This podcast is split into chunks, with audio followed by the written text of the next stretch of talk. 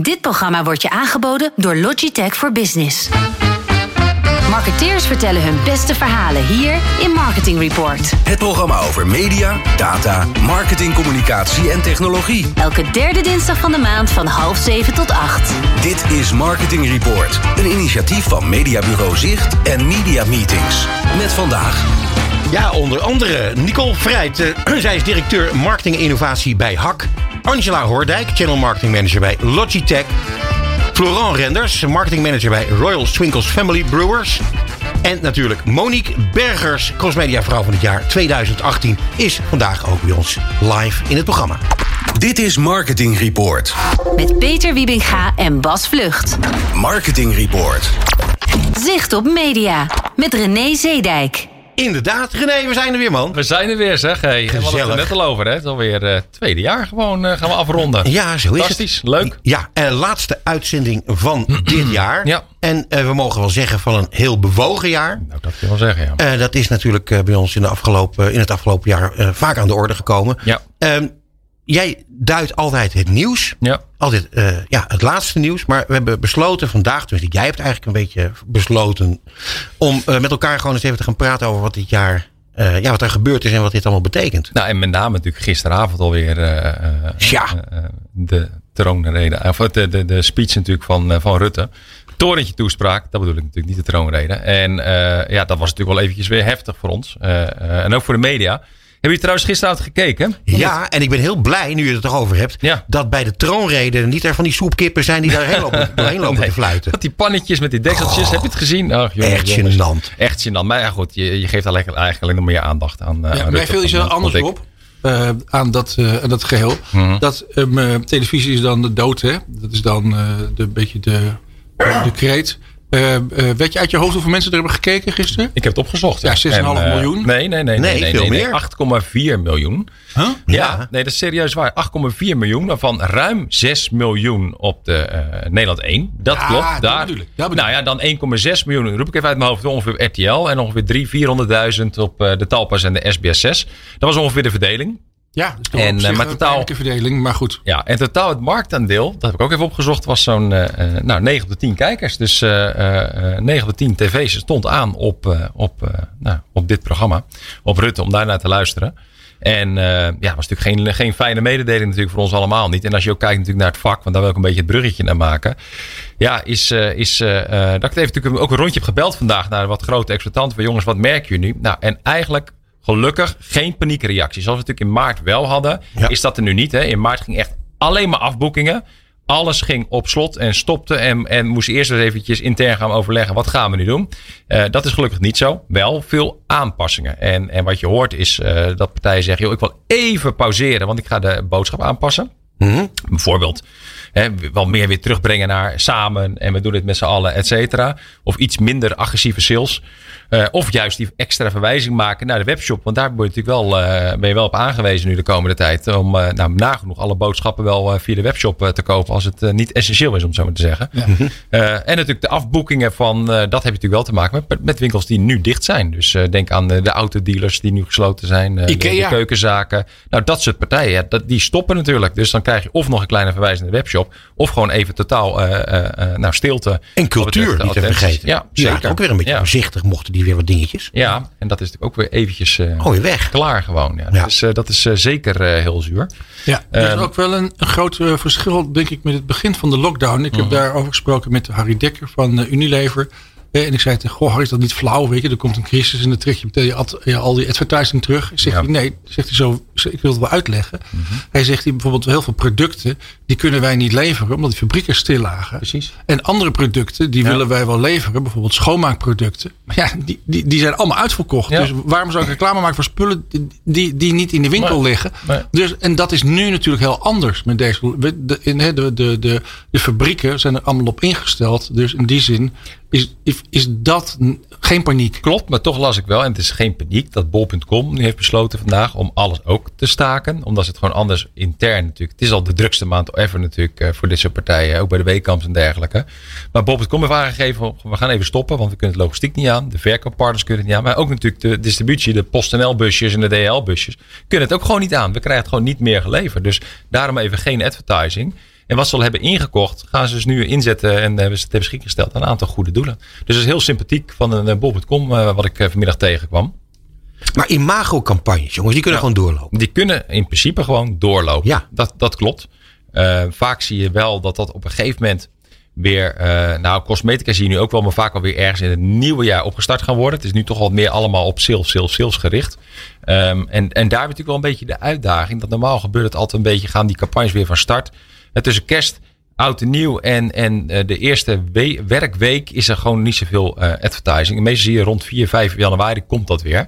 En nu ben ik wel benieuwd, en dat weet ik echt nog niet zeker wat er gaat gebeuren. Of mensen iedereen even twee weken gaat afwachten. Dus eerst maar eens even kijken wat de 12 januari en dadelijk dus 19 januari gaat uh, gebeuren. Mm -hmm. om, op basis daarvan. Dus ik denk dat het wel wat meer wordt gepauzeerd. Dus niet wordt geannuleerd, maar wel even wordt verschoven, laat ik het zo zeggen, naar, uh, naar die datum.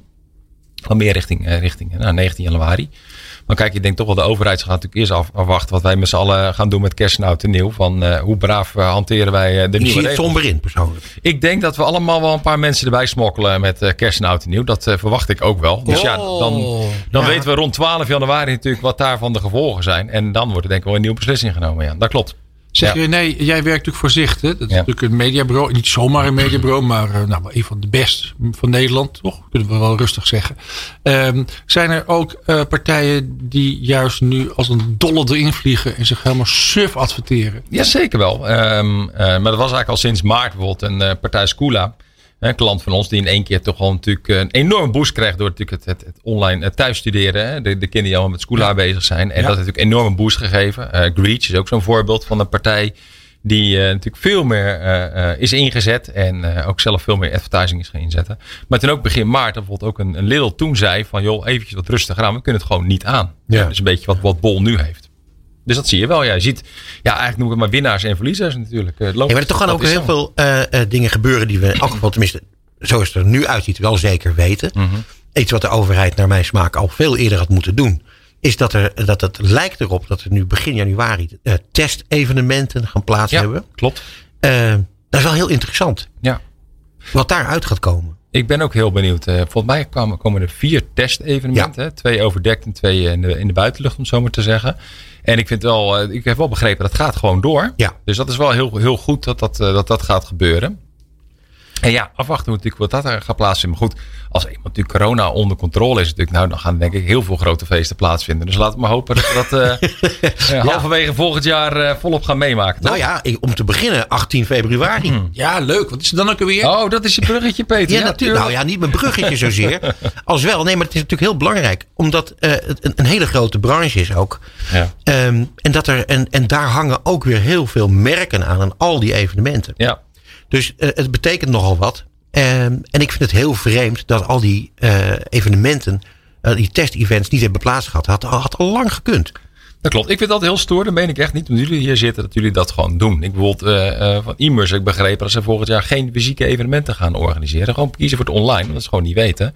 En dat jullie wel gewoon steeds zeggen, oké, we gaan het gewoon doen. Klaar. En misschien moet je een keer verschuiven als het niet anders kan. Maar je doet het gewoon wel. Je durft wel je nek uit te. Nou, dankjewel. Ja, maar het is gewoon ja. zo. Ja, nou ja, maar wij vinden het ook belangrijk. En dat blijkt ook altijd in onze branche. En dat geldt denk ik bijna voor alle branches. Dat je uh, toch fysiek hmm. contact moet hebben om uiteindelijk tot zaken te komen. Absoluut. Dat is de, daar ben ik echt van overtuigd. En daarom is het ook zo leuk als daar gewoon weer lekker die winkelstraat in kunnen gaan. Maar kijk, aan de ene kant denk je wel van, oh, ik heb een webshop en is het opgelost. Maar dat is toch, het fun shoppen is er gewoon veel minder tot niet. Weet je, ja. je gaat toch de winkelstraat in, je combineert het met horeca of met een bioscoopje of wat dan ook.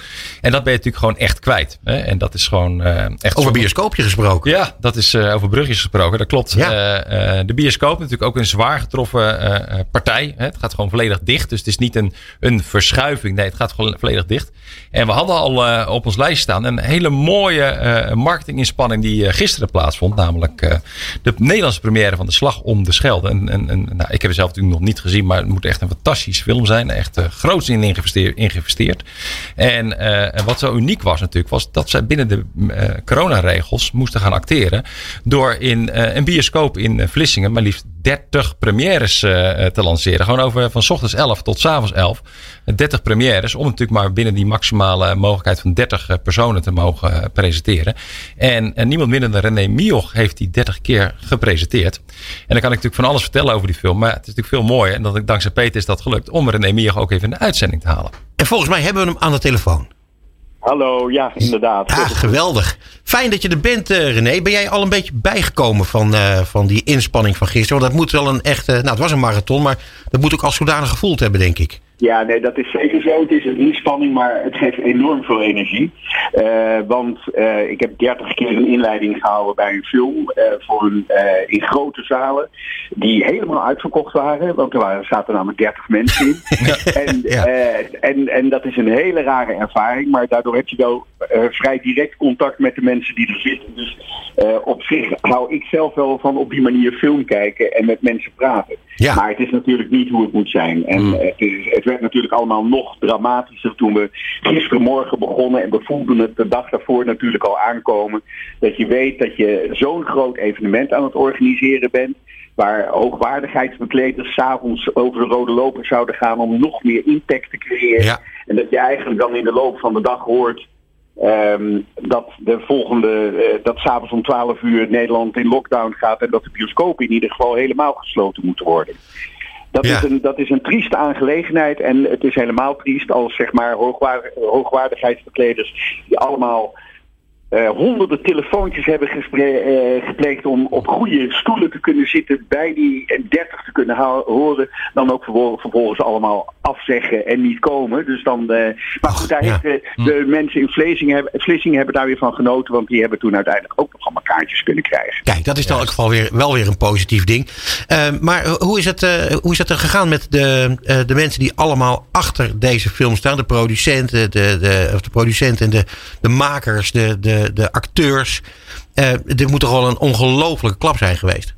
Het is, een, het is een klap omdat je met elkaar, en zeker voor de makers, uh, toewerkt naar dat moment dat die film in première kan gaan. Ja. Maar je kunt je achteraf afvragen, of aan ieder nadeel ook niet een voordeel zit. Want zeg maar, het is binnen de uh, publiciteit en de marketing van films heel gewoon dat je ergens een lokaal evenement, een groot evenement organiseert. Vooral als het in dit geval gaat het over, over een film die uh, zich in Zeeland afspeelt. Dus voor de Zeeuwen een heel belangrijk uh, gegeven. Nou, dan is het best wel, dat is met de storm zo gebeurd, weet je wel. Dan ga je naar Zeeland, dan organiseer je een grote première. En dan enige tijd later doe je dat in Amsterdam nog een keer over. En dan is het landelijk een, een verhaal. dat was nu natuurlijk helemaal niet de bedoeling, maar het ziet er nu natuurlijk naar uit dat dat wel gaat gebeuren. Dus we hebben nu uh, vanavond, uh, of vandaag, gisteren, enorm veel publiciteit gekregen. Het heeft in alle uh, journaals gezeten, in de, in de shownieuws en de RTL Boulevard, ja, ja, allemaal op. Nou, mensen weten van de slag van de Schelde. Die naam, die titel, die is nu bekend. Ja, en dan komt die waarschijnlijk pas eind januari, begin februari in de bioscoop. Met opnieuw een première natuurlijk en weer een groot ding. En dan waarschijnlijk gewoon in Amsterdam of Den Haag. Ja, nou weet je wat, daar komen wij ook. Uh, nee. hey, maar uh, uh, wat interessant is ook voor ons programma is natuurlijk het feit dat deze film eigenlijk een marketingtool is op zich voor, ehm, voor het V-fonds. En voor een campagne die inmiddels een jaar heeft gedraaid. Ja, nou het V-fonds is dus het Veteranenfonds. Ja. Dus dat, zijn, dat is een, een, een, een organisatie die best wel hoge doelen stelt. En die hebben nu, eh, drie jaar geleden, zijn die in dit project gestapt. Of liever gezegd, die hebben aan de filmmakers de opdracht gegeven. Bedenk een project waar wij de Tweede Wereldoorlog eigenlijk kunnen, opnieuw kunnen introduceren bij een generatie die er niks van af weet. Ja. Die, die, die eigenlijk weer opnieuw moeten leren wat er eigenlijk daar gebeurd is. Omdat we daar zo makkelijk overheen lopen. En toen hebben Alain de Levita en uh, Mark van Eeuwen, Paula van der Oest en Matthijs van Heiningen hebben een slag, een, een, een, slag, een, een, een, oor, een stukje oorlog gevonden. Eh, wat zich afgespeeld heeft aan het eind van de Tweede Wereldoorlog. Wordt ook wel de verloren oorlog genoemd. Uh, in, het, in het laatste stukje van 1944 hebben de Duitsers en de geallieerden een enorme slag, een enorme gevecht gevoerd in Zeeland. En dat was, iedereen dacht dat ze wel al bevrijd waren in Nederland. Ja. Maar toen moest er nog even flink gevochten worden. Dat historisch uh, element, dat wordt nu aan iedereen verteld via deze film. En voor zo'n fonds, voor, zo'n, voor die investeerders, was dat het doel om te zeggen van oké, okay, wij gaan nu veel geld stoppen in de Nederlandse film, die, die eigenlijk ons helpt om die communicatie op gang te brengen. Schitterend. Bas uh, heeft een vraag voor je. Ja, uh, René, is het een leuke film? Nou, kijk, ik heb iedereen gisteravond steeds uh, uh, heel veel plezier bij de slag bij de Schelde. Uh, dat was mijn laatste zin. En dat klinkt zo wrang als je naar een oorlogsfilm gaat kijken. naar een, een, slag waar 10.000 mensen hun leven verloren hebben. Maar ja, het is een goede film. Het is een waanzinnige film. Het is de op één na duurste uh, film die in Nederland gemaakt is. Uh, oorlogsfilm. Uh, Zwartboek was geloof ik 19 miljoen. Deze kost 14 miljoen dollar, euro. En dat betekent dat er... Het is zo ongelooflijk goed gemaakt. En ik overdrijf echt niet. Als, mijn, alleen maar mijn mening. Maar als je denkt aan het rijtje Saving Private Ryan en 1917 en, en Dunkirk. Dan doet deze echt mee ik denk een, een, tiende van het budget wat anderen hebben. Maar, maar ja, het is gewoon geweldig gedaan. Denk je dat het ook internationale potentie heeft daarom? Zeker, want het bijzondere van dan zo'n de, de, aanpak van, de aanpak van Nederlanders is dan dat wij willen toch altijd een goed verhaal. Dus wat, wat Paula van der Oest als scenario schrijver heel goed gedaan heeft. Die heeft eigenlijk, die, natuurlijk zie je, zien we grote veldslagen en, en, en kanonnen en schieten en weet ik veel eh, wat je verwacht bij een oorlogsfilm. Maar eigenlijk draait dit verhaal over drie, gaat, draait het verhaal om drie jongeren. Waarvan één Nederlandse jongen, in het, in, die zit in het leger bij de Duitsers. Die, is, die heeft om een bepaalde reden keuzes gemaakt dat hij zich aangesloten heeft bij de Duitsers. En er is een andere jongen die is verliefd op een meisje. Dat is, en dat zijn de drie personages. En die volg je. Dus het is eigenlijk ook gewoon een mooi verhaal over drie jongeren in oorlogstijd. Dan alleen maar, we gaan erop uit en we knallen de tegenstander neer, zeg maar. Ja, René, uh, qua tijd zit het er helaas een beetje op. Wij... Uh wij gaan denk ik allemaal naar die film kijken. Je hebt uh, nogal, uh, nogal uh, uitgebreide reclame ervoor gemaakt. Ik heb ook heel erg het idee dat het een, een fantastische film moet zijn. Ja, hou ons alsjeblieft op de hoogte van wat er gaat gebeuren rondom deze film. Als er opnieuw ja, een, een, een, campagne gaat plaats hebben. En heel erg bedankt dat je bij ons in de uitzending wilde zijn. En gefeliciteerd met je marathon van gisteren. Dankjewel. Tot ziens. Dit is Marketing Report op Nieuw Business Radio. Dit is Nieuw Business Radio. Meer weten over onze programma's? Ga naar nieuwbusinessradio.nl.